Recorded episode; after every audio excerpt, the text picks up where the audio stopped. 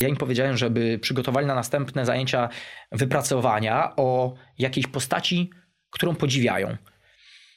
A któryś tam jeden, a mogę napisać o Saszy Grey?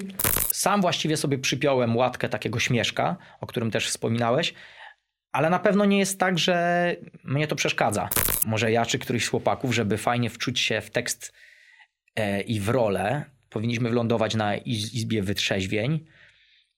I Ile tam historii, anegdot tam możesz zasłyszeć. Anegdot, tak. O. No, to, to nie jest głupi pomysł.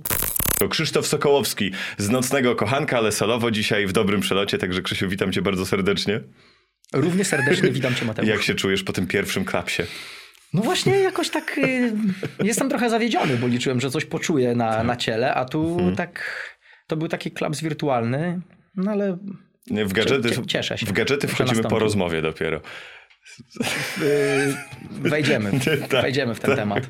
Przepraszam. Mam nadzieję, że będziemy mieli dobry przelot. Yy, tak jest, będziemy mieli. No i spotykamy się a propos yy, twojego solowego projektu. Zaczęliśmy, no bo już fajnie opowiadasz właśnie o, o koncertowaniu i, i o tym powodzie, yy, dla którego trochę zmieniasz, może nie imidż, ale No właśnie niepotrzebnie ci powiedziałem poza anteną, więc, poza anteną wszystko. Tak, więc... że możesz powtórzyć właściwie. albo... Ale nie wyjdzie teraz nie swoje, No właśnie, tak? może tak nie, nie wyjść, więc niech tam to wyjdzie w rozmowie w tak, takim tak. razie. Słuchaj, jest 3 stycznia, jakby co. No tak. E... Wszystko się zgadza. Nowy rok. Ale był Sylwester, łoma. Gruby, nie? Święta no. też. E, jakich postanowień noworocznych nie dotrzymasz? Będzie pewnie ciężko i nie dotrzymam żadnego.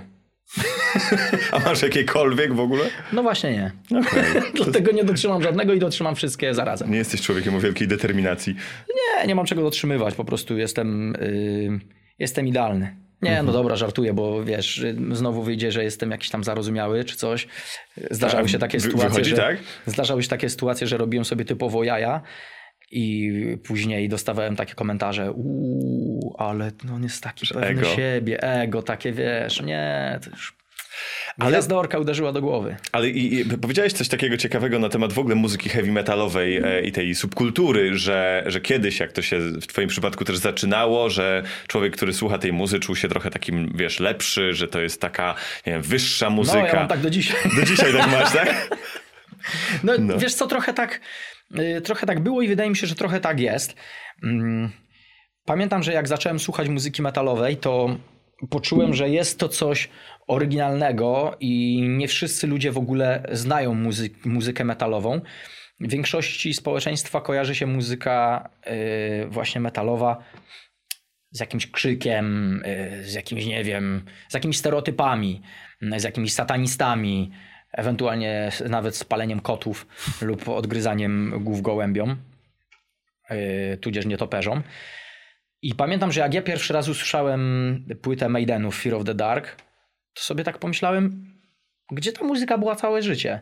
A później sobie odpowiedziałem, to gdzie ja byłem całe życie, bo ta muzyka była, tylko trzeba było ją znaleźć, trzeba było jej yy, doświadczyć.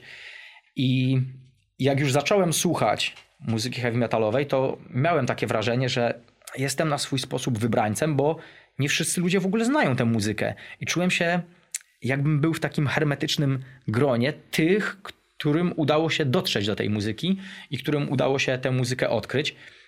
I teraz, jak y, czasem czytam komentarze y, ludzi, którzy słuchają muzyki metalowej, to mam wrażenie, że wielu z nim cały czas, tym ludziom cały czas się często wydaje, że oni właśnie są tymi wybrańcami i na swój sposób przyznaję im rację, coś w tym jest. Chyba ze względu na fakt, że mam słabość do tej muzyki i uważam ją za szczególną. Mm, no ale nie ma co się też oszukiwać, że to też no, niestety nie do końca prawda, że nie do końca mhm. jesteśmy tymi wybrańcami. No właśnie się zastanawiam, z czego wynika to poczucie wyjątkowości, wiesz, takie poczucie wyższości wynikające trochę z poczucia niższości. Mnie się wydaje, że wynika to z tego, które napędza że artystów to jest, często, tak, że to jest muzyka, której praktycznie nie, nie uświadczysz e, w radiu czy w telewizji i trzeba ją samemu odkryć. I dopiero kiedy ją odkrywasz, to tobie się wydaje, że patrz, Nikt prawie o tym nie wie, a zobacz, jak to jest super zrobione, jakie to są ekstra dźwięki, jakie to są kompozycje, jak, jakie to jest oryginalne, specyficzne i nie wszyscy mają do tego dostęp. I to jest właśnie coś, co, co wyróżnia tę muzykę i co sprawia, że e, no jest ona wyjątkowa dla tych właśnie wybrańców.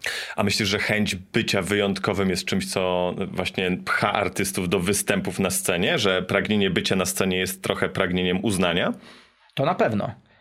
Ja właściwie od dziecka chyba przejawiałem takie zdolności artystyczne i lubiłem być w centrum uwagi, lubiłem się gdzieś pokazywać, występowałem na przedstawieniach szkolnych. Nie miałem też problemu z tym, żeby gdzieś tam w gronie rodzinnym, żeby grono rodzinne właściwie było moją publicznością. E, I, I, lubiłem, a to coś, nie wiem, recytować, a to coś opowiadać, a to wcielać się w jakieś role, mm, nie wiem, nawet zatańczyć coś, powygłupiać się, stanąć na głowę, albo w późniejszym czasie już e, zaśpiewać. I mm, myślę, że w większości e, artystów jest coś takiego, że chcą być zauważeni. Oczywiście też nie zawsze, bo zdarza się tak, że ktoś jest artystą skrytym i na przykład nie za bardzo w ogóle lubi występy przed publicznością i woli tworzyć gdzieś w domowym zaciszu, woli jest prezentować swoje treści na przykład w, w, internecie, ale w taki sposób, że nie będzie e, obserwowany, że nie musi wyjść, wejść w taką interakcję, interakcję, wiesz, oko w oko z widzem. Oczywiście tak się zdarza, ale wydaje mi się, że większość ym, artystów ma taką potrzebę właśnie podzielenia się swoją twórczością z innymi, ale w, taki kontak- w takim kontakcie bezpośrednim. Takim bardziej intymnym, tak? Jakimś nawiązania mm, kontaktu można, z Można tak, tak powiedzieć. Widzem. Z jednej strony intymnym, bo wiesz, masz taki kontakt z widzem, mhm. gdzie spotykasz się z nim twarzą w twarz. Z drugiej strony, jeśli to jest występ przed na przykład kilkutysięczną albo yy, nawet kilkudziesięciotysięczną publicznością, to nie do końca też można mówić o intymności, mhm. bo to już nie jest taki występ jeden na jeden. Aczkolwiek z drugiej strony wydaje mi się, że można to w pewien sposób osiągnąć, bo wychodząc na scenę i grając nawet dla kilkuset tysięcznej publiczności, mm, swoje myśli i swoje przesłanie kierujesz w pewnym sensie do każdej z tych osób, która tam się znajduje, która uczestniczy w tym koncercie. I mam nadzieję, że od drugiej strony wygląda to tak samo, że każda z tych osób, która, która przychodzi na koncert, odbiera to jako takie show właśnie dla tej jednej osoby. No bo każda z tych osób uczestniczy w tym koncercie, każda przychodzi dla artysty mm, i mm, każda na swój sposób odbiera jego twórczość, to co robi na scenie, e, jego utwory, jego ekspresje i tak dalej. Mhm. Mówisz, że właśnie występowałeś od dziecka, też, też, też w jakichś tam szkolnych, przedszkolnych może wystąpieniach, to nie wiem, brałeś udział w jasełkach na przykład? W jasełkach oczywiście. Kim tak, byłeś byłem, w jasełkach? E, byłem Kacprem, byłem A, królem. królem. Twoja gwiazda mnie do ciebie prosto prowadziła. Złoto w darze ci przyniosłem, dzieciąteczko miłe. No dalekie to jest, powiem ci, od tekstów Nocnego Kochanka. to też takie, wiesz, podobne trochę, nie? Wiesz, nie wiadomo, co tak naprawdę miałem na myśli. Ach, może nie no, zagłębiamy Ale masz jakieś, właśnie temat, bo... masz jakieś wspomnienia właśnie z tych występów, z takich właśnie przedstawień szkolnych? Nie wiem, Jak... śpiewałeś hymny w szkole na rozpoczęciu?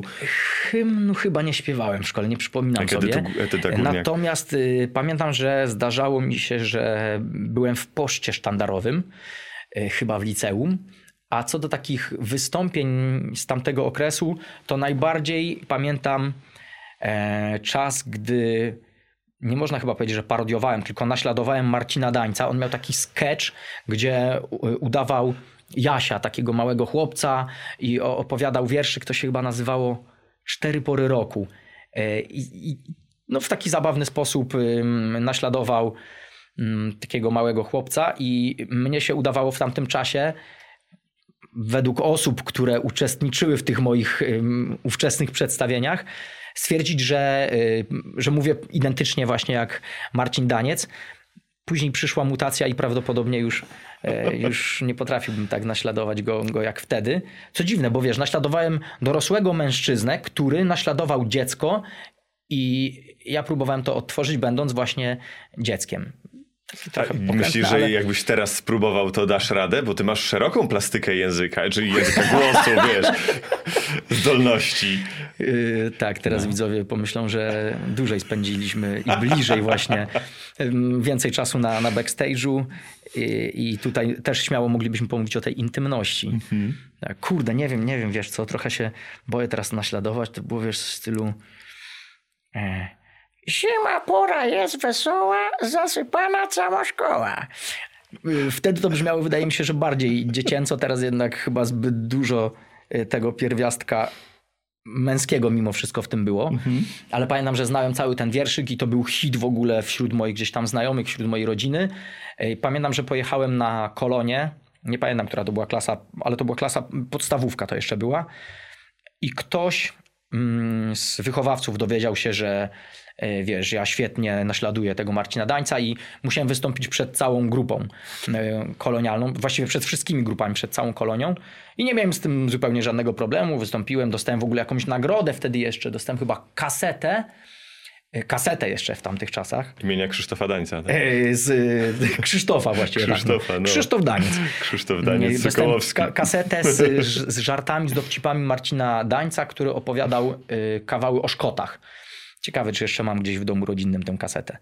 E, ale często też występowałem, wiesz, w jakichś tam akademiach szkolnych, e, w przedstawieniach i nie miałem z tym najmniejszego problemu. Mm-hmm. A, a, byłeś w ogóle łobuzem w tamtych czasach szkolnych? Nie, raczej Bo byłeś nie. śmieszkiem, nie? Byłeś to śmieszkiem tak, ale ja chyba zawsze gdzieś potrafiłem, na ile było to możliwe, znaleźć taką granicę między, e, wiesz, żartowaniem, a między takim robieniem na złość nauczycielowi. Wiadomo, że pewnie nie zawsze mi to wychodziło, ale, ale starałem się. Yy, raczej stawiałem na takie żarty niegroźne. Na przykład do dzisiaj pamiętam, ostatnio z chłopakami wspominaliśmy naszego nauczyciela od niemieckiego z gimnazjum. I pamiętam, że kiedyś dostałem od niego uwagę, bo no coś tam lekko rozrabiałem na lekcji, ale to nie zdarzało się. Tak mi się wydaje przynajmniej, że jakoś bardzo, bardzo często. Ale gdzieś nie wiem, pewnie gadałem z kumplem, coś głośno się zachowałem i on mówi: Krzysztof, numer! No więc ja z od razu z automatu 2539 593 to był mój numer domowy w tamtym czasie i na przykład za takie coś dostałem uwagę. Na przykład mm, pamiętam, że kiedyś mówiliśmy coś na angielskim o mm, Enrique Iglesiasie i ja gdzieś podsłyszałem ten żart, y, o którym za chwilę powiem i go wykorzystałem na zajęciach i zgłosiłem się, to było już w liceum mówię, e, pani profesor, a czy pani wie, że ten e, Enrique, to e, on ma tego ojca też sławnego takiego. No tak, a ja mówię, ale nie wiem, czy pani wie, ale on, ten Enrique to jest do Julia niepodobny. No I to były tego bardziej rodzaju żarciki, które gdzieś tam mnie bawiły. I mam nadzieję, że innych też, ale zawsze starałem się robić to w taki sposób, mm, żeby gdzieś nie urągać, zawodowi nauczyciela i żeby nauczyciel nie poczuł się urażony. Mhm. Okej, okay, czyli raczej gra słowna, raczej jakieś takie... Tak mi się wydaje. Błyskotliwy żart typu... Dziękuję, nasi, dziękuję. Nasi przodkowie nam chujadali, dali, nam chujadali, tak, tak, tak, no. tak tego, tego. Okay. Niektórym większego, niektórym mniejszego. No. A, nam hu! Nam Boż. No.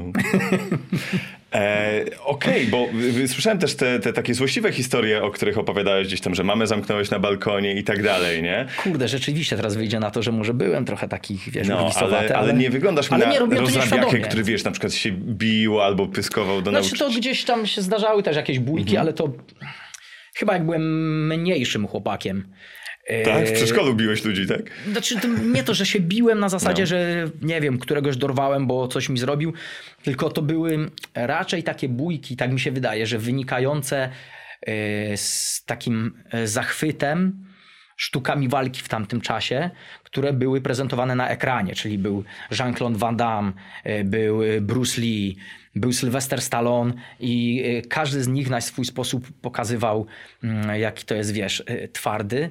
I, i te sztuki walki próbowałem gdzieś naśladować. Czasem się biłem mm, gdzieś, nie wiem, ze swoimi kuzynami czy, czy ze swoimi kumplami, ale to było raczej na zasadzie takiego, wiesz, trochę cwaniakowania i nietypowo, nie było to typowo nastawione na robienie sobie krzywdy. Mhm.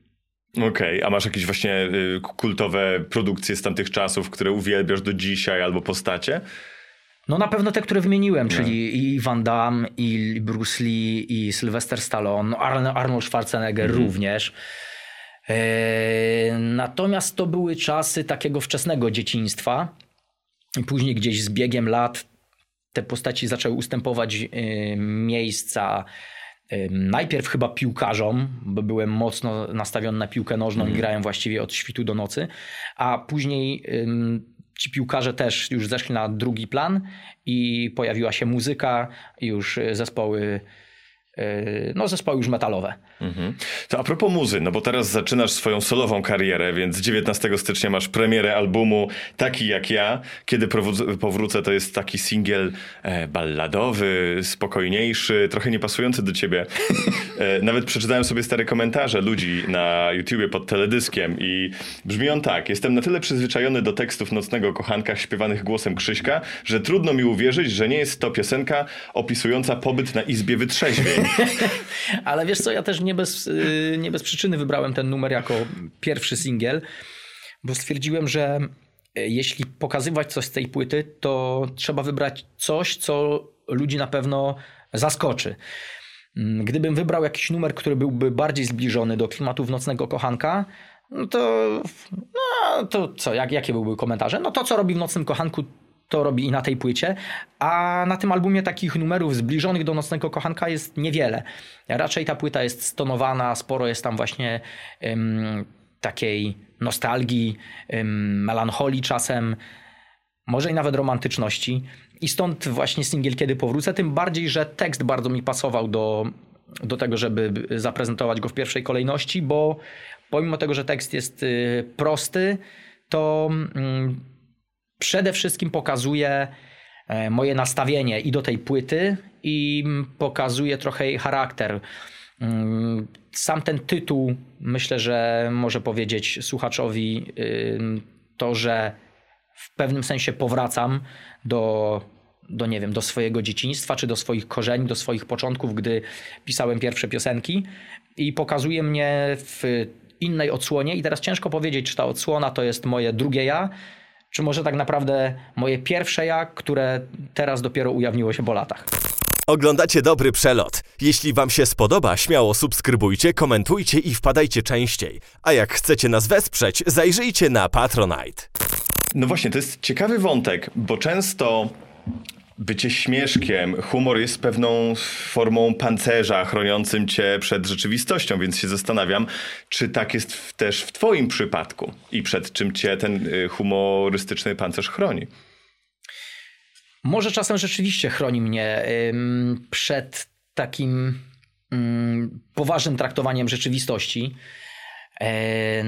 Aczkolwiek wydaje mi się, że to znaczy, na pewno nie jest tak, że Nocny Kochanek powstał dlatego, że chciałem, czy chcieliśmy z chłopakami mm, coś ukryć, y, chcieliśmy się schować właśnie w tym pancerzu, mm, chcieliśmy uniknąć typowo y, poważnego traktowania i poważnych tematów, albo wyciągnięcia czegoś, mm, co na przykład nam nie leży, albo czego się wstydzimy. Raczej wszystko powstało w sposób taki spontaniczny i powstał przy y, zgodzie nas wszystkich na to. To znaczy, wszyscy czuliśmy, że, że to jest to, czego potrzebujemy i w czym bardzo dobrze się odnajdujemy. Mm, także to nie było tak, że jesteśmy, y, wiesz, jakimiś ludźmi na przykład, no nie wiem, chociażby skrywającymi depresję i po to mm, pokazujemy ludziom taką twarz śmieszka, żeby to przykryć. E, raczej było inaczej. Raczej najpierw graliśmy muzykę taką na serio, bo graliśmy stricte heavy metalowe e, numery pod szyldem Night Mistress z anglojęzycznymi tekstami i byliśmy takimi, wiesz, prawdziwymi heavy metalowcami.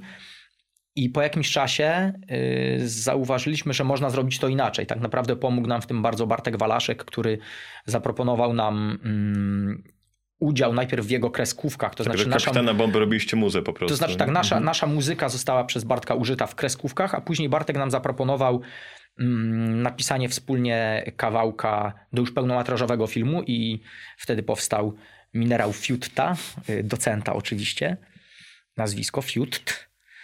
Mm, I jak nagraliśmy Minerał, to zauważyliśmy, że w pewien sposób odżyliśmy Później też zupełnie dla jaj napisaliśmy kolejny kawałek. Był to Wielki Wojownik. Kolejnym był Andrzej. I tak z numeru na numer zauważyliśmy, że zarówno my czujemy się w tym super na koncertach i nie tylko, także i na próbach i słuchając po prostu tego w domowym zaciszu. Zauważyliśmy, że tego potrzebujemy zarówno my, jak i ludzie, którzy przychodzą na koncerty, więc nagraliśmy koniec końców całą płytę heavy metal. Mm, taki, był, taki jest jej tytuł. Yy, także mm, to się wszystko stało, tak jak powiedziałem, spontanicznie i była to naturalna kolej rzeczy. W żadnym wypadku nie, nie było to przykrywanie czegoś i ukrywanie się pod maską czy pod pancerzem. Ale po yy, już wielu latach grania z Nocnym Kochankiem trochę zatęskniłem za taką poważną odsłoną, bo mm, sam właściwie sobie przypiąłem łatkę takiego śmieszka, o którym też wspominałeś, ale na pewno nie jest tak, że mnie to przeszkadza, bo sam sobie na to zapracowałem, ale sam też właściwie chyba taki jestem. I to nie jest tak, że te numery tworzą się jakoś, nie wiem, w ciężkich męczarniach i to jest, wiesz, naginanie swojej osobowości pod to, żeby stworzyć takie teksty czy takie numery.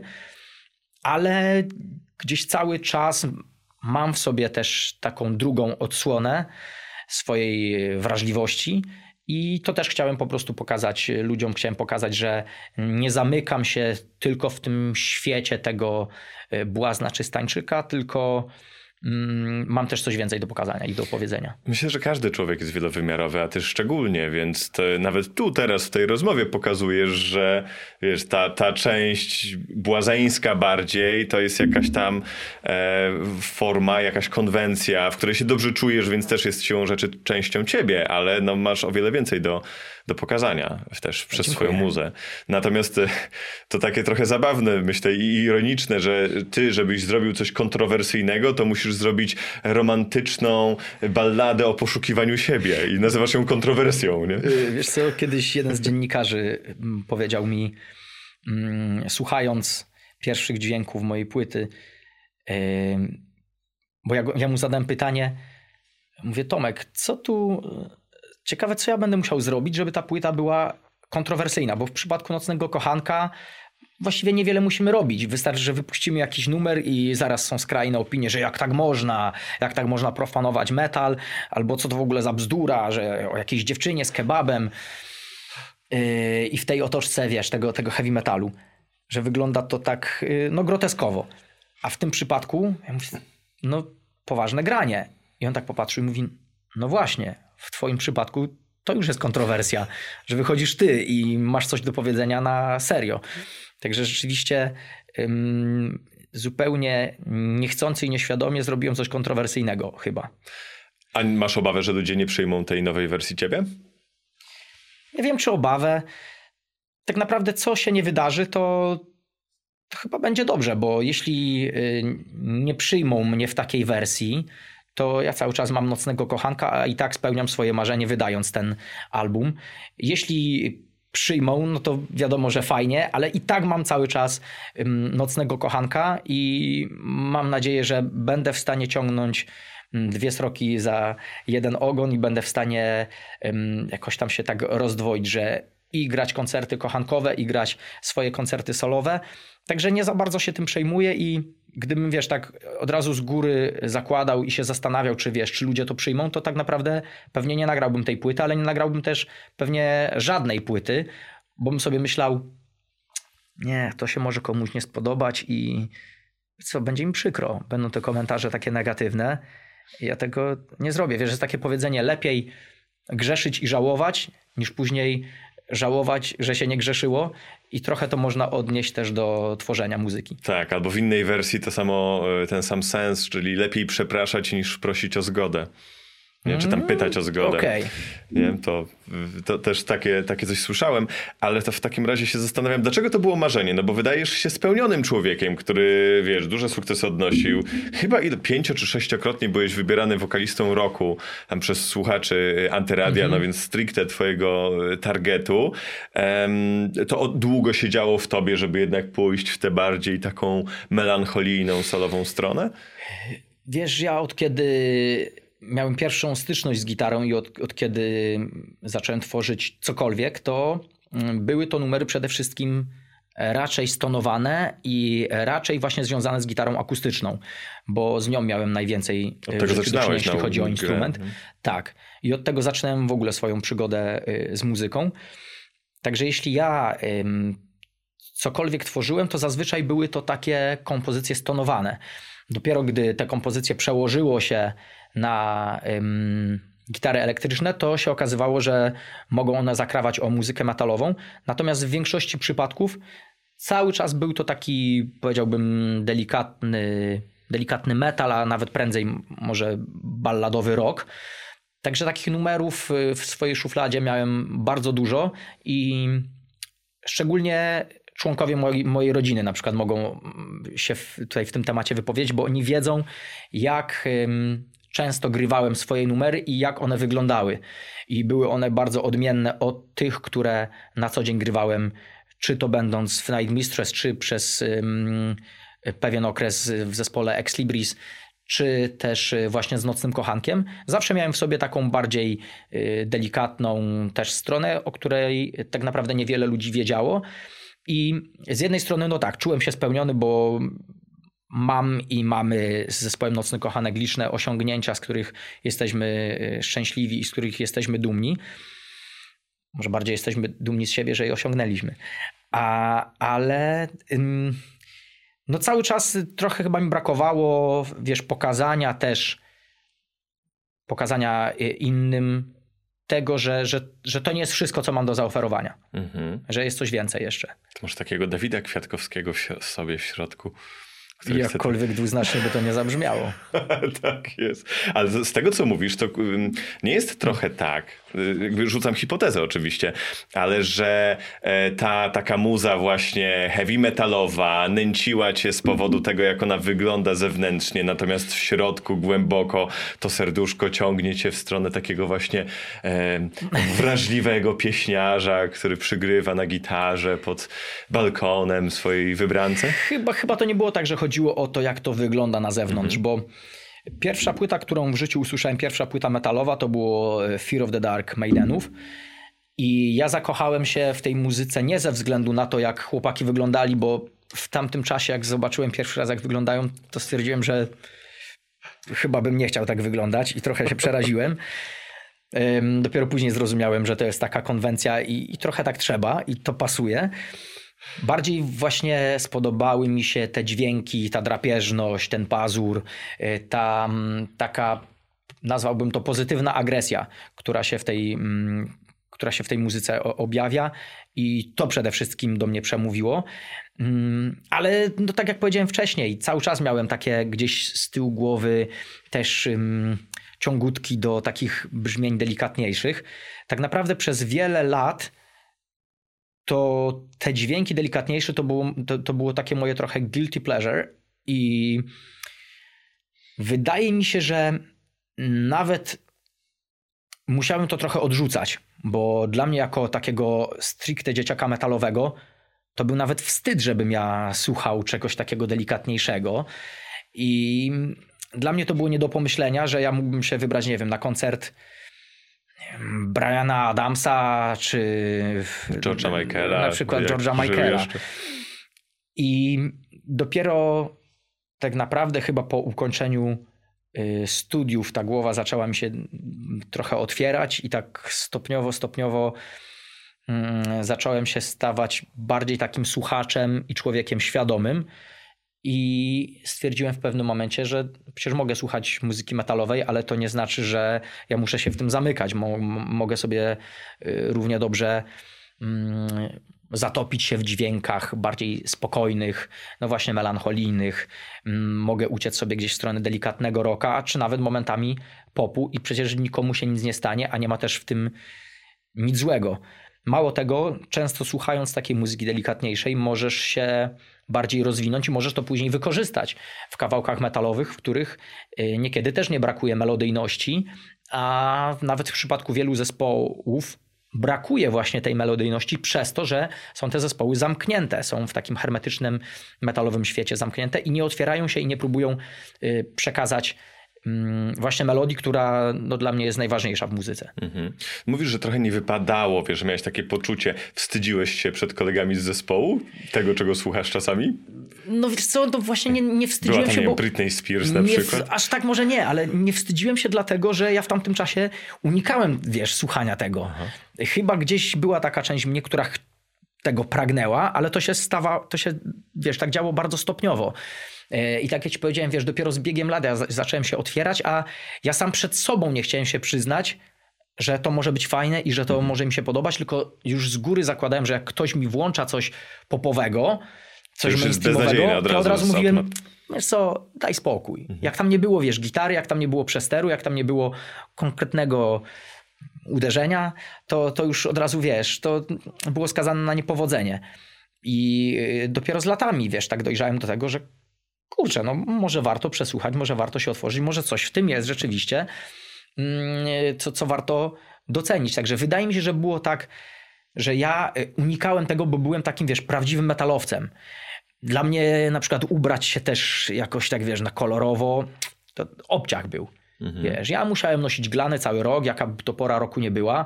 Oczywiście byłem na tyle stylowy, że miałem i długie, ale i krótkie glany. W ogóle krótkie glany, coś wspaniałego.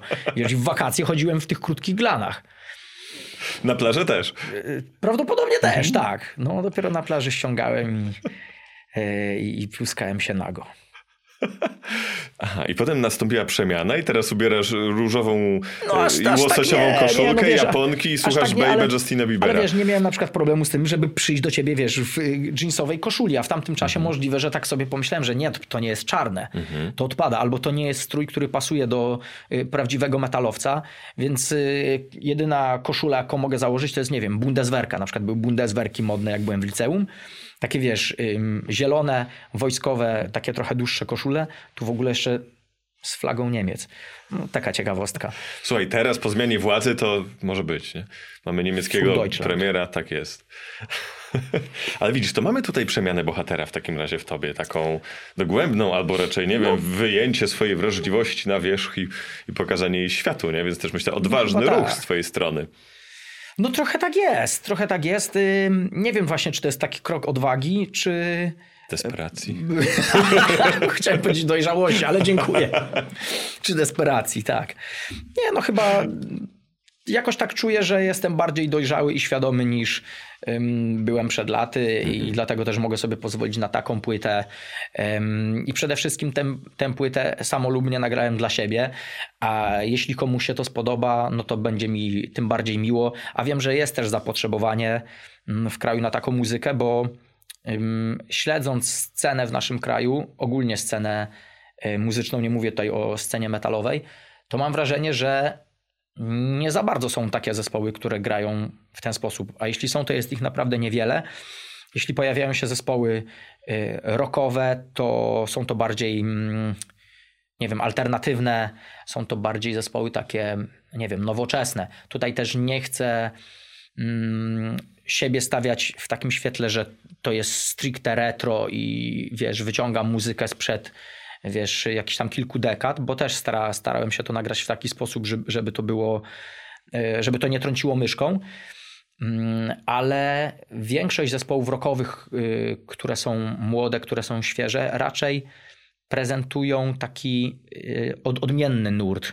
Na przykład z takich zespołów, które serdecznie polecam, które lubię, to jest y, Żurkowski, to jest zespół Dziwna Wiosna, e, ale są to zespoły, które grają innego roka. U mnie jest trochę więcej takiego pochylenia się nad klasyką yy, i trochę jest jednak momentami ciężej. I wydaje mi się, że czegoś takiego też, yy, tak mówiąc, może zuchwale trochę, ale trochę mm, brakuje na naszym rynku i mam nadzieję, że znajdzie to swoich odbiorców. To trzymam kciuki za to i wracając jeszcze troszkę do Nocnego Kochanka, bo mówisz, że też będziesz go e, kontynuował e, i z chłopakami dalej tak, grał tak, i tworzył. No. Nie mam już czasu na to. to e, w takim razie o przeszłości Nocnego Kochanka. Ile jest wątków autobiograficznych w waszych tekstach? No często właśnie dostajemy py pytania, mm, ile jest prawdy w tych naszych tekstach, bo my zazwyczaj mówimy, że są to historie oparte na faktach, i co oczywiście warto podkreślić, na faktach autentycznych.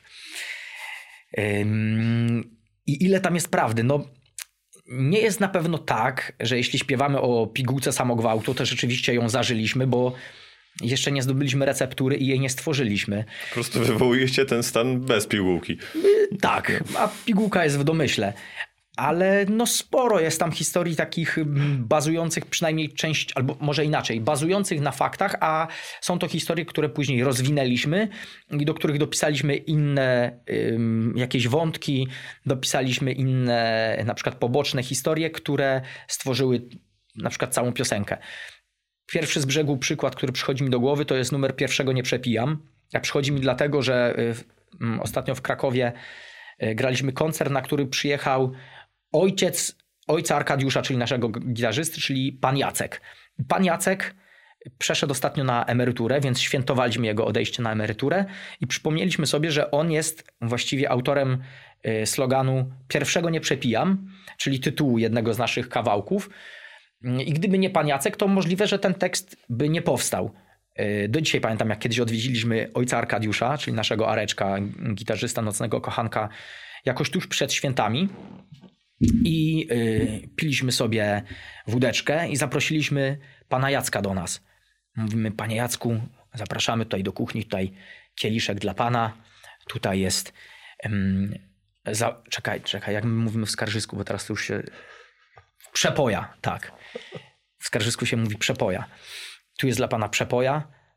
On mówi, ale nie, e, pierwszego nie przepijam. No i później się okazało, że drugiego też nie przepija i właściwie to, że żadnego nie przepija. No ale gdyby nie pan Jacek, to ten numer by, y, ten numer by nie powstał.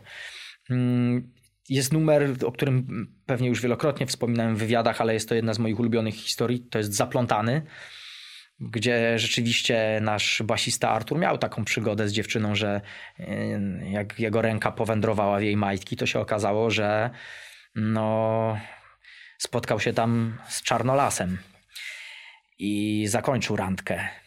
Taki był niewyrozumiały. Yy, I stąd właśnie mm, no, to była taka iskra, która mm, natchnęła mnie do napisania numeru Zaplątany.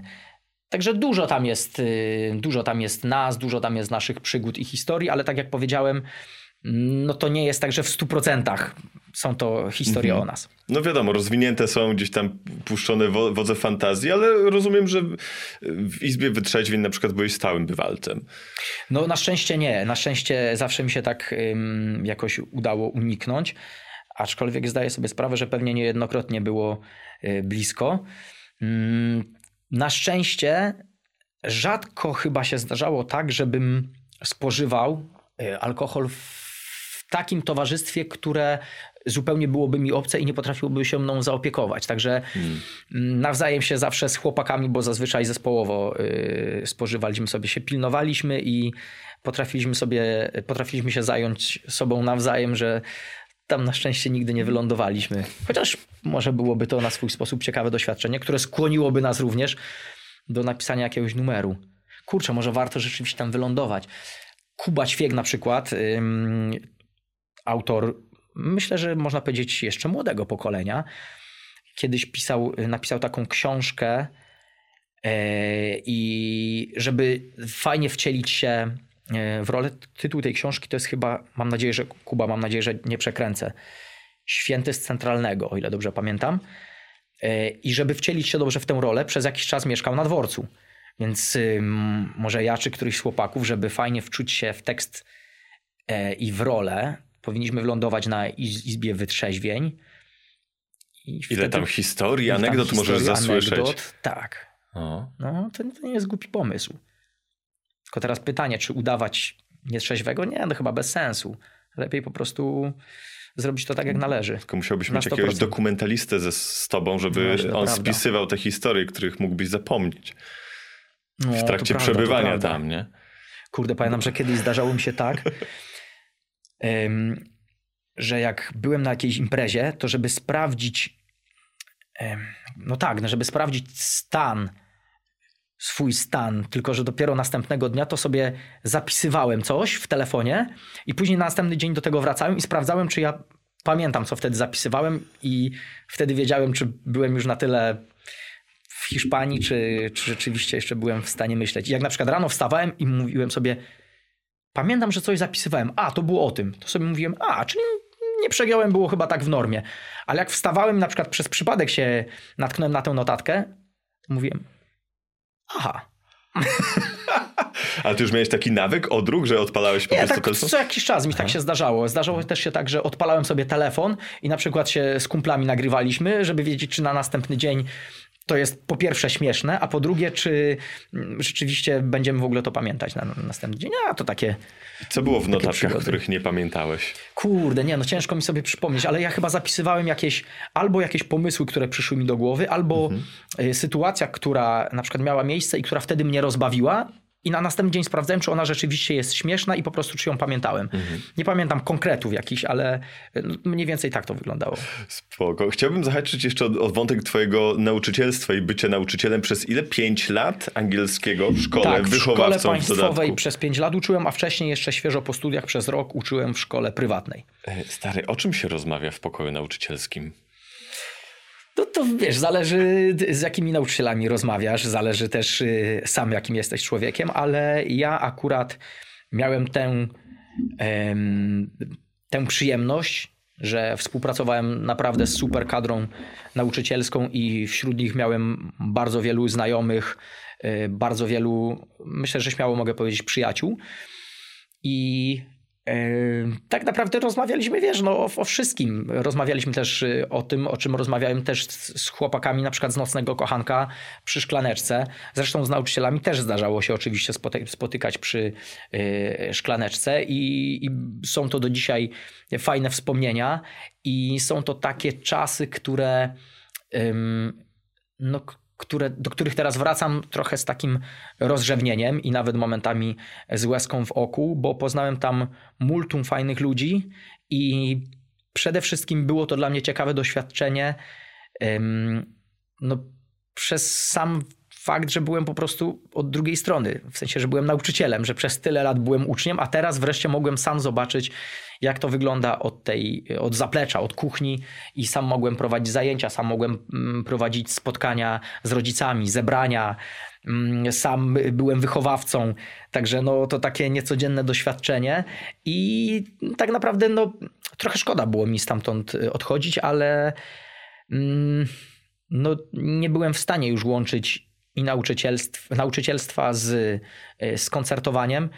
Mm, no i tak naprawdę też w pewnym momencie, tak naprawdę, no, jeśli chodzi o już kwestie takie finansowe, to nie było mi to już właściwie potrzebne.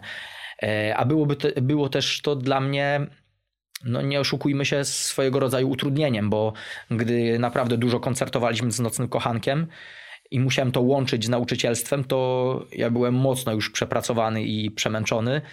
Także no już w, chyba w, to był ostatni dzwonek, żeby zrezygnować właśnie w 2017 roku w czerwcu y, z, z, tej pracy, bo z każdym kolejnym właściwie miesiącem byłoby coraz trudniej i co, coraz gorzej. Mm, no po prostu no byłem już, już, mocno, myślę, że tym przemęczony, tak zwyczajnie fizycznie. No stary, ty prosto z koncertu jeździłeś do szkoły na ósmą rano no, na lekcje. No tak. Nie? Nawet y, opowiadałeś tak taką anegdotę o samolocie z Zielonej Góry. Z Babimostu. Swoją drogą ja jestem z Zielonej Góry, wow. więc wiem, gdzie jest ten Babimost. I no, to jest kawałek. I to jest kawałek, tak. A wiesz, ja myślałem, że ja wsiądę w ten samolot w sensie do, skończę koncert, miasta, zdrzemnę nie? się i podjadę no tam te parę kilometrów czy paręnaście i polecę do Warszawy, a tu wiesz, samą tę drogę trzeba było tak, pokonywać tam kilkadziesiąt 40, minut. 30 nie? kilometrów, nie pamiętam ile tam jest, ale z pół godzinki do 40 tak, minut się no, jedzie. Ale, ale tak się zdarzyło, że tak, no. musiałem wracać samolotem nawet kiedyś, bo graliśmy w niedzielę, a Zielona Góra niestety nie leży tuż pod Warszawą. No nie, nie, nie, nie, to już przy, przy tych Niemcach, nie? 450 kilometrów tam jest. No dobra, ale to jak, nie wiem, jaki byłeś na przykład na wywiadówkach? Miałeś jakieś spiny z, z rodzicami? Wiesz, jak to wyglądało? Nie, spiny chyba nie, rzadko się zdarzały, bo... Nie bronili bąbelków swoich? No, zdarzały się też takie sytuacje oczywiście, że mm, rodzice no w większości przypadków, wiesz, stawiają swoje dziecko na pierwszym miejscu i często im się wydaje, że ich dzieci są świętsze od papieża pod warunkiem, że papież jest święty, ale mm, chyba widząc moje podejście, moje nastawienie,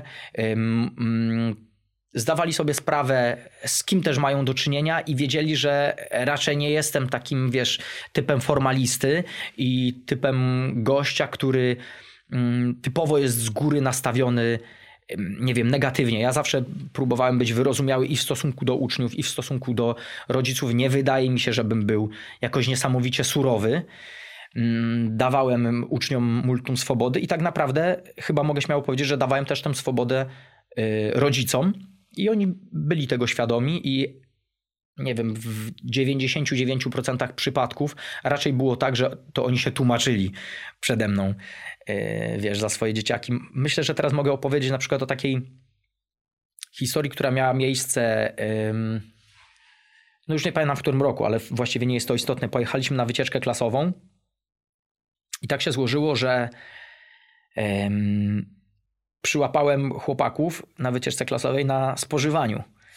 I to nie była jedna butelka browarów, browaru, tylko tego naprawdę było, było całkiem sporo. E, I zrobiłem im tam wtedy solidną pogadankę. I żeby nie robić im pod górkę, to ja później zorganizowałem takie spotkanie tylko dla chłopaków z mojej klasy, bo ja miałem klasę, która była złożona e, w większości z chłopaków i to no, oni byli tam prowaderami tego, tego spożywania. E, zorganizowałem spotkanie dla nich, ale z rodzicami i stwierdziłem, że nie będę w to mieszał dyrekcji. Stwierdziłem, że załatwię to na własną rękę, tak żeby nie robić problemu rodzicom, dyrekcji, tym uczniom i sobie. I tak naprawdę stwierdziłem, że to będzie najlepsze rozwiązanie tak jestem ciekaw, czy dyrekcja wiedziała o tym i była na tyle wyrozumiała i domyśliła się, co robię. Nie wiem, nie wiem o tym do dzisiaj, natomiast zorganizowałem takie spotkanie i jestem właściwie do dzisiaj bardzo dumny z tego, jak udało mi się to wtedy rozwiązać, bo i rodzice, i uczniowie naprawdę zachowali się wtedy super, wyciągnęli, wyciągnęli z tego wnioski i uważam, że bardzo dużo dało im to do myślenia i jeszcze bardziej wzmocniło taką więź między mną, uczniami, rodzicami. Yy, no później serdecznie mnie za to przeprosili. Yy, nawet do dzisiaj pamiętam, jak ja chłopaków wtedy, mm, jak zwróciłem im uwagę, znaczy zwróciłem uwagę, jak konkretnie ich za to po prostu opieprzyłem na, na, tej, na tej wycieczce, i oni siedzieli w swoim domku. Ja wyszedłem na zewnątrz i rozmawiałem z moim y, kumplem y, Tomkiem, nauczycielem matematyki, o tym, co można zrobić i jak to można, y, jak, jak można ten pro problem załagodzić, rozwiązać. I słyszałem, jak oni rozmawiali. Ja odszedłem gdzieś tam dalej od tego domku, a oni między sobą rozmawiali i wręcz to zakrawało o taki płacz. I pamiętam, jak jeden z nich mówił: Pan Sokołowski, on jest przecież dla nas taki wyrozumiały zawsze i zawsze trzyma naszą stronę. Jak my mu mogliśmy to zrobić?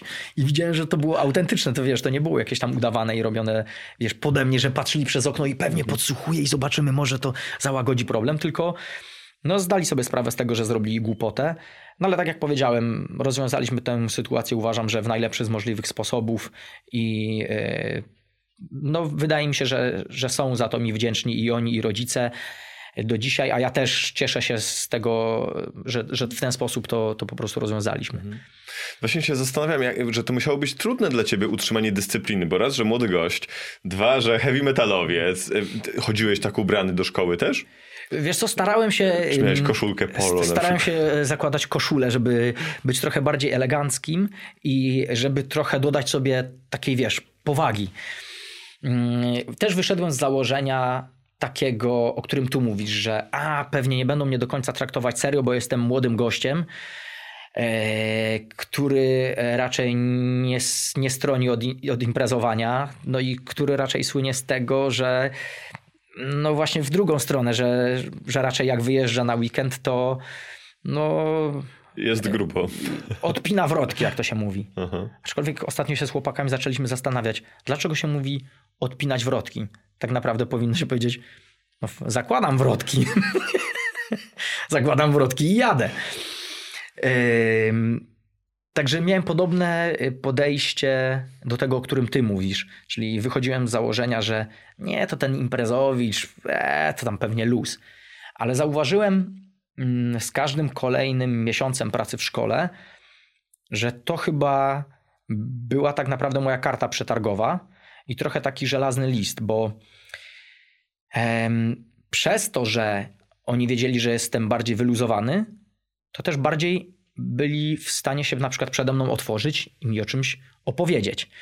Mm, przez to, że łapaliśmy jakiś kontakt, to im trochę chyba było głupio, przynajmniej w większości przypadków, zrobić coś, mm, po prostu zrobić mi pod górkę.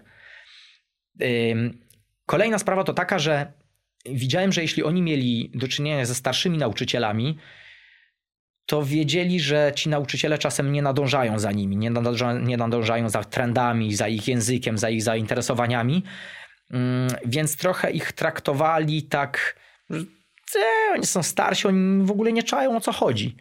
A ze mną właściwie nawet momentami ja byłem w stanie ich zagiąć, bo ja dosyć mocno siedziałem w mediach społecznościowych.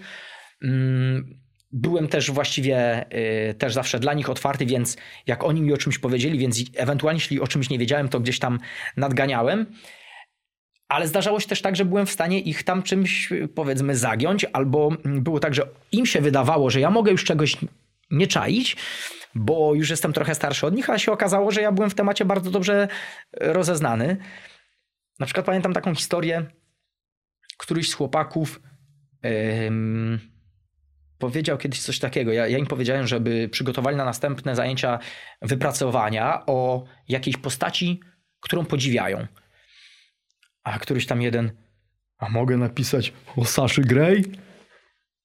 No ja tak mówię. Mówię, no ale mówię, już nie pamiętam imienia, ale mówię, no tam nie wiem, niech będzie Kamil. Mówię, Kamil, no proszę bardzo, a mówię, ale powiedz mi, przypomnij, tak przy, przybliż tylko, co to za postać. No, a i pamiętam, Wiktor, Wiktor to mówił tak. No wie pan, no to taka e, aktorka. Ja mówię, no to aktorka, bardzo dobrze, proszę, przygotuj wypracowanie. No ale to taka, wie pan. Ja mówię, no nie, nie, nie wiem, nie wiem. No, udaje, że nie wiem. No z takich filmów trochę mm, tego, innych. Ja mówię, co, ale bardziej z przyrodniczych może jakiś. Ja mówię, dobrze, Wiktor, to przygotuj na następne zajęcia. No i co, minął tydzień. A on mnie przyniósł tego wypracowania. Mówię, no ale Wiktor, no umawialiśmy się. Miałeś napisać o Saszy Grey. No ale wie pan...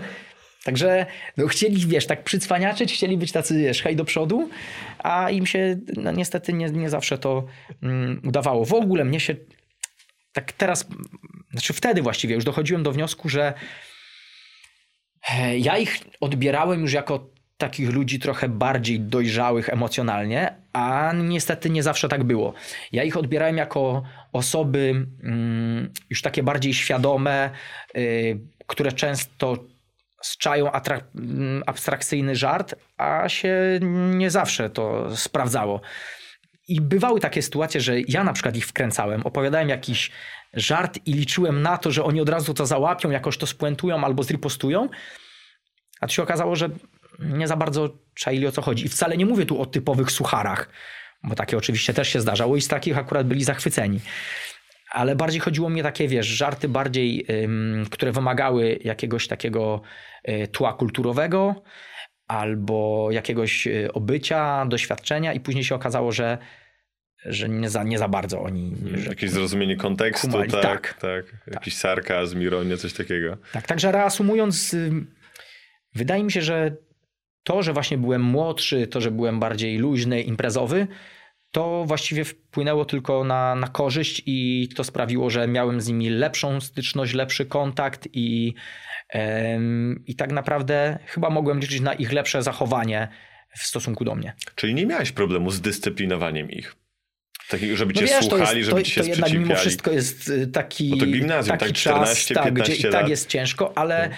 Uważam, że całkiem nieźle sobie, e, całkiem nieźle sobie z nimi radziłem. Oczywiście wiesz, no zdarzały się też takie osoby, które, z którymi w ogóle nie wiesz, nie było żadnego pola do wiesz, konwersacji i które ogólnie wychodziły z założenia, że nauczyciel to jest po prostu wróg i koniec. Pomimo tego, że wiesz, byłem wyrozumiały i naprawdę no nikomu nigdy nie robiłem, wiesz, pod górkę i zawsze starałem się wychodzić im naprzeciw, ale no w pewnym momencie stwierdziłem, że jeśli ktoś ze mną się nie chce dogadać, to jest po prostu idiotą, a no, no ciężko mi już wtedy dyskutować z taką osobą.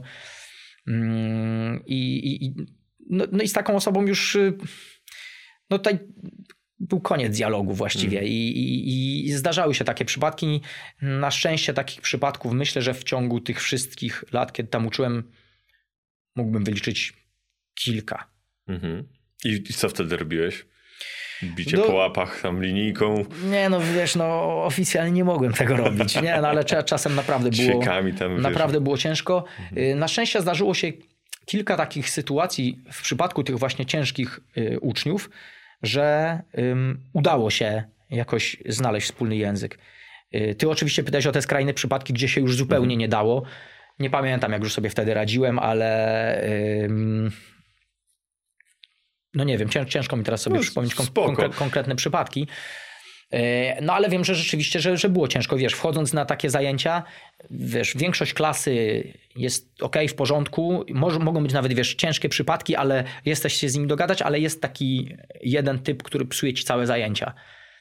No i wiesz, wypada go wyciągnąć z klasy i, no ale wiadomo, że to nie jest rozwiązanie, niestety. Mm -hmm. Wiesz, tutaj lepszym rozwiązaniem jest rozmowa, tylko że co jeśli ta rozmowa też nie działa?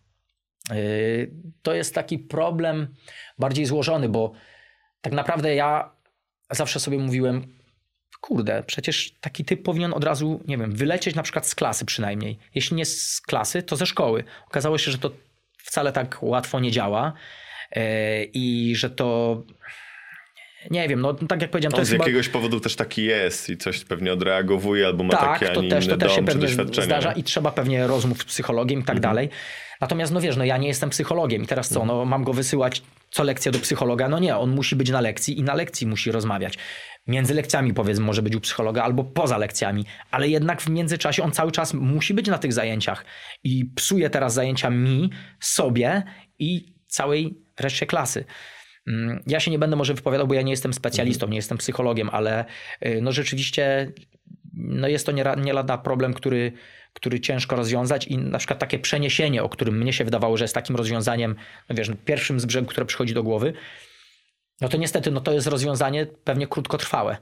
Może czegoś nauczy takiego dzieciaka, ale może zupełnie to też Przerzucanie gorącego to jest, kartofla, tak, bo ty się pozbywasz problemu, klasy a ktoś innego ma. No, no. Tak. Ale już wracając też do tych uczniów powiedzmy trudniejszych, mm, z którymi też trzeba było sobie jakoś radzić, to mm, no tak, tak naprawdę to każdy uczeń jest y, indywidualistą i do każdego trzeba podchodzić właśnie w indywidualny sposób. I to się często sprawdzało w przypadku też tych trudnych uczniów, bo gdy ich na przykład zostawiałem po zajęciach i rozmawiałem z nimi oko w oko, to później się okazało, że to jest zupełnie inny gość niż, niż wiesz, ta, y, niż ta osoba, którą mm, można powiedzieć kreuje Y, niż, niż ta postać, którą kreuje przy klasie. Hmm. Bo się okazało, że to jest trochę, wiesz, taka.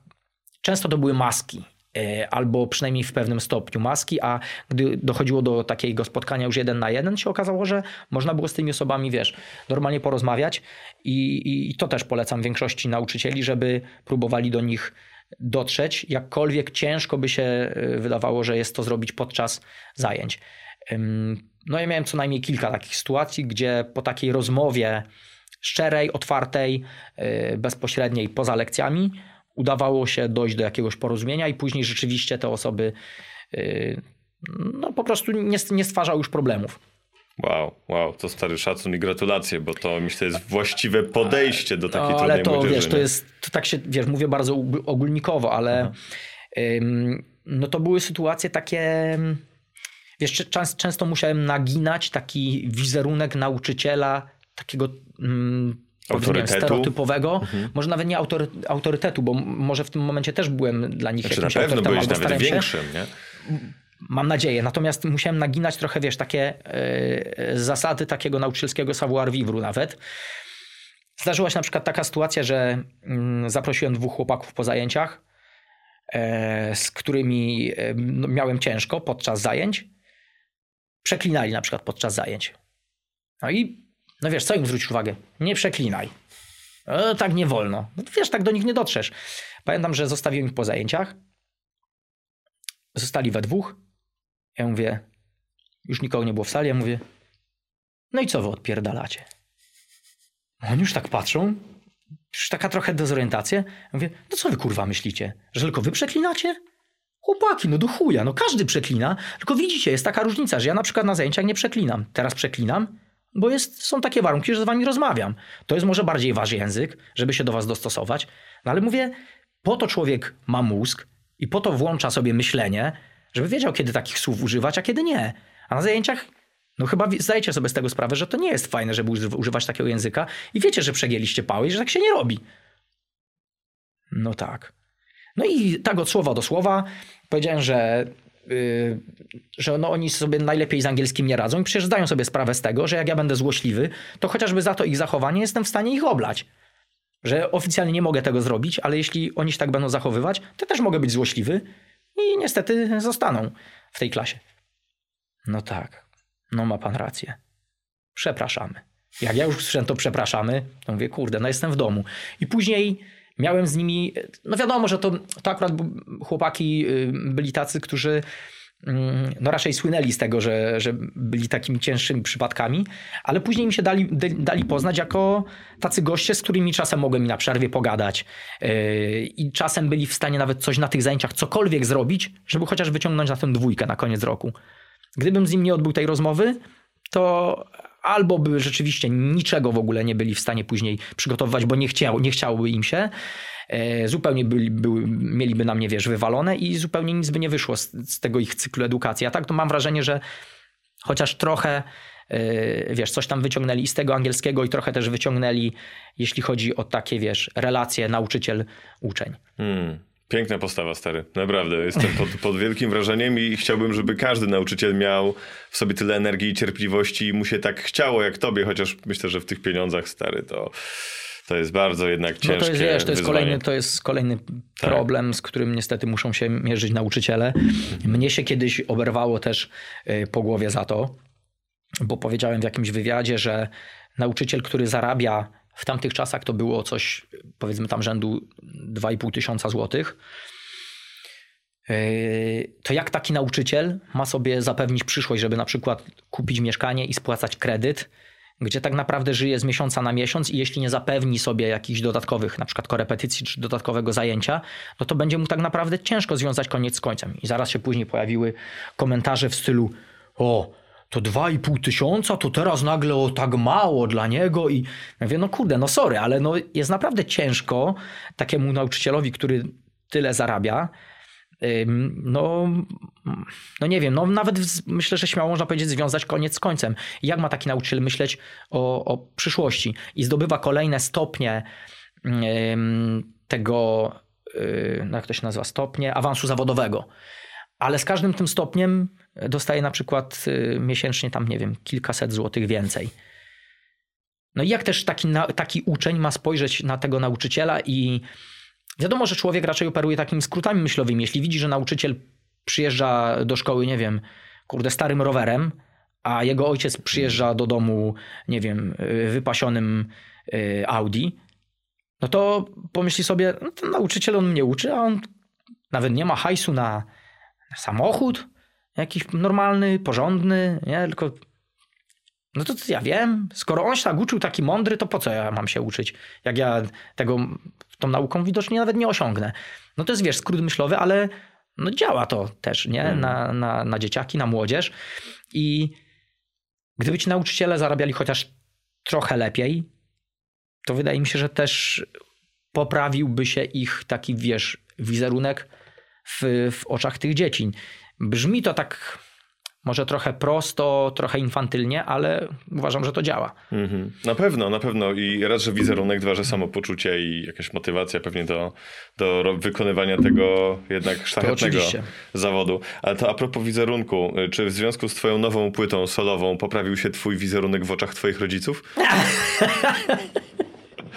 Trzeba by ich zapytać, ale yy, no właśnie tak zawsze się zastanawiałem, jak oni to odbierają tak na serio. To znaczy, Ja wiem, że mnie mocno wspierają, mi kibicują i wiedzą, jaka jest konwencja nocnego kochanka. No, znają mnie, jakby nie patrzeć, od urodzenia i też wiedzą, że te teksty nie wzięły się znikąd. Yy, jednakże no, zdaję sobie sprawę z tego, że jeśli na przykład mają zaprezentować twórczość swojego syna swoim znajomym yy, czy, czy sąsiadom, sąsiadom, to no właśnie, jak wiesz, jak to jest odbierane przez tę drugą stronę i jak oni się wtedy czują. Bo no, trzeba też y, mieć i dystans do siebie, i jakąś taką świadomość, hmm, powiedzmy, nie wiem, no chociażby muzyczną. Bo jeśli ktoś sobie zdaje sprawę, jak wyglądają takie standardy muzyki metalowej, jak wygląda stereotyp metalowca, to słuchając tych naszych numerów, no pewnie zdaje sobie sprawę, dlaczego ten żart tak wygląda i co tu może być śmiesznego. No inaczej to wygląda w przypadku osoby, która na przykład nigdy nie słuchała takiej muzyki, nagle smoki gołe baby, no ale o co chodzi? Dlaczego? Nie? Skąd w ogóle sam taki tytuł? E, skąd takie teksty? Skąd taki pomysł? Mm, ale z drugiej strony, jak y, widzę się z moimi rodzicami, jak z nimi rozmawiam, to właściwie nigdy nie zdarzyło się, żeby otrzymali od kogoś jakiś komentarz, mm, no nie wiem, dwuznaczny, czy właśnie taki karcący w stylu oj, ten wasz syn to co on w ogóle robi, co to jest, nie? Raczej jest, raczej zawsze te opinie są, czy raczej, nawet bez raczej, te opinie są zawsze pozytywne. No, tam widzieliśmy tam Krzysia w telewizji, albo słyszeliśmy jego wywiad, widzieliśmy, nie wiem, recenzję w gazecie i tak dalej. E, tylko się tak zastanawiam, czy mm, jest to taka opinia stworzona, wiesz, na, na podstawie pobieżnych informacji, czy rzeczywiście ktoś się zagłębia i słucha tego i czyta te, te teksty i, i, i to po prostu bardziej wnika. W przypadku akurat mojej tej solowej płyty, no będzie o tyle łatwiej, że to jest po prostu na serio. I tutaj nie trzeba właściwie nawet znać żadnego kontekstu, tylko po prostu odpalasz sobie muzykę i tekst i albo ci się to podoba, e, albo nie. Także no na pewno będzie w tym przypadku łatwiej moim rodzicom się tym jakoś tam po, po, pochwalić. No, babcia, dziadek albo jakaś starsza ciocia czy wąsaty wuj słuchali twoich tekstów? No tak, zdarzało się. W ogóle jeśli chodzi o, e, o mojego wujka na przykład, to pamiętam, że jeszcze zanim powstał Nocny Kochanek e, i graliśmy tak, wiesz, na serio, to on wtedy posłuchał naszych kawałków. Ja chyba nawet coś tam mu grałem na jakiejś imprezie rodzinnej. No i to były, wiesz, takie numery y, stricte na serio. I grałem mu kawałki jeszcze z dawnych lat z polskimi tekstami. I on tak tego posłuchał i mówi, no ale Krzysiu, tu jest tak wszystko na poważnie, a nie można tego tak zrobić jakoś, nie wiem, z większym luzem, jakoś tak, nie wiem, no na przykład nie wiem skąd się wziąłem, chyba się począłem. I ja dopiero sobie uzmysłowiłem po latach, że ja już wtedy, a wtedy miałem, nie wiem, może ze 20 lat. Tylko jak on wtedy mi o tym powiedział, to ja to potraktowałem jak takie, nie no stary, o czym ty w ogóle mówisz? To jest kurde, heavy metal, posłuchaj, to musi być na serio. Ja dopiero wtedy, wracając myślami do tej sytuacji po latach, sobie uzmysłowiłem, że kurde, ten mój wujek już wtedy dał mi właściwie już bilet do nocnego kochanka. Ja wtedy mogłem rozwinąć ten pomysł i już wtedy mogliśmy pisać, wiesz, pierwsze teksty nocnego kochanka. E, jeśli chodzi o, o podejście do e, no, samego właśnie już stricte nocnego kochanka, e, to pamiętam opinię mojej cioci, że właśnie jak tak posłuchała, to mówi, kurde, no spoko to muzycznie, ale dlaczego te teksty takie? No trzeba aż tak pisać, tak tam czasem tak wulgarnie? I wydaje mi się, że dopiero wiesz, z biegiem czasu gdzieś zaczęła rozumieć, że to jest taka konwencja, że to jest taka forma mhm. żartu i, i chyba to, mam nadzieję, zaakceptowała. Nasz na przykład basista Artur kiedyś włączył y, jeden z naszych numerów swojej sąsiadce, którą myślę, że śmiało może uznać za taką, wiesz, przyszywaną ciocię. I włączył jej numer zaplątany, o którym zresztą dzisiaj rozmawialiśmy. No i jest to, no nie zwracając uwagi na Y, tekst, na tekst, to jest to taka no, rzewna ballada. I on włączył jej tę ballady i ona tak się zasłuchuje. Kawałek już przeleci, przeleciał w dwóch trzecich. I ona tak... Piękna melodia. Piękna. I Artur mówi tak, no ale ten tekst, nie? I wiesz, nawet w pierwszej chwili, wiesz, to do niej nie dotarło, nie dotarło tak naprawdę o czym jest ten kawałek. Także jestem też ciekaw, czy wszyscy, którzy mają styczność z Nocnym Kochankiem, zderzają się z tymi tekstami w takiej zasadzie, że wiesz, to jest taki po, pociąg takiego, wiesz, niezrozumiałego żartu, albo taka konsternacja, że ja, jak to? Ale on to naprawdę zaśpiewał? Czy często też może jest tak, że ktoś tego słucha i wiesz, nie zwraca uwagi na teksty i dopiero po przesłuchaniu. To chyba nie było na serio. No ciekaw jestem, to chyba wiesz, dużo zależy od, od osoby. Aha, I od odbiorcy, tak. Czy na odbiorcy, tak, tak, tak. A tu wuja zachwycony, rozumiem, w takim razie. Teraz... Kurczę, nie wiem właśnie jak teraz, bo y, nie gadałem z nim jakoś y, nigdy na temat Nocnego Kochanka. Jestem ciekaw, czy, czy on w ogóle jakoś dogłębnie słuchał, bo on nigdy nie hmm. słuchał też stricte muzyki metalowej. Okay. Także nie wiem, czy do niego przemawiało, ale podejrzewam, że jeśli chodzi o y, tę szatę tekstową, to bardziej w jego klimacie. Być kontentowany. Krzysiu, bardzo Ci dziękuję, że wpadłeś. E, no dziękuję i również. trzymam kciuki za, za Twój solowy projekt. Tak, 19, 19 stycznia. stycznia, taki jak ja. Płyta już w preorderze śmiga, można zamawiać. Mhm. E, płyta będzie wysyłana 15 stycznia. Wspaniale. No to słuchajcie, kupujcie, słuchajcie, klikajcie, oglądajcie teledyski na YouTubie, e, no i wpadajcie na koncerty, bo rozumiem, że przed tobą co, trasa koncertowa i Nocnego Kochanka i Sokołowskiego. Yy, tak, tak. Najpierw będzie ta moja sokołowska trasa, którą rozpocznę koncertem w Łodzi, kurde, mam nadzieję, że nie przekręcę, ale 3 lutego. E, trasa obejmie 11 koncertów. Oczywiście wszelkie niezbędne informacje na moich mediach społecznościowych, na Facebooku, na Instagramie. E, możliwe, że na Nocnym Kochanku również coś tam się pojawi. Okej, okay, to trzymam kciuki i powodzenia, stary. Dzięki bardzo. Dzięki za Waszą uwagę. Pamiętajcie, że podcast dostępny jest też na Spotify, Apple Podcasts i wielu innych platformach.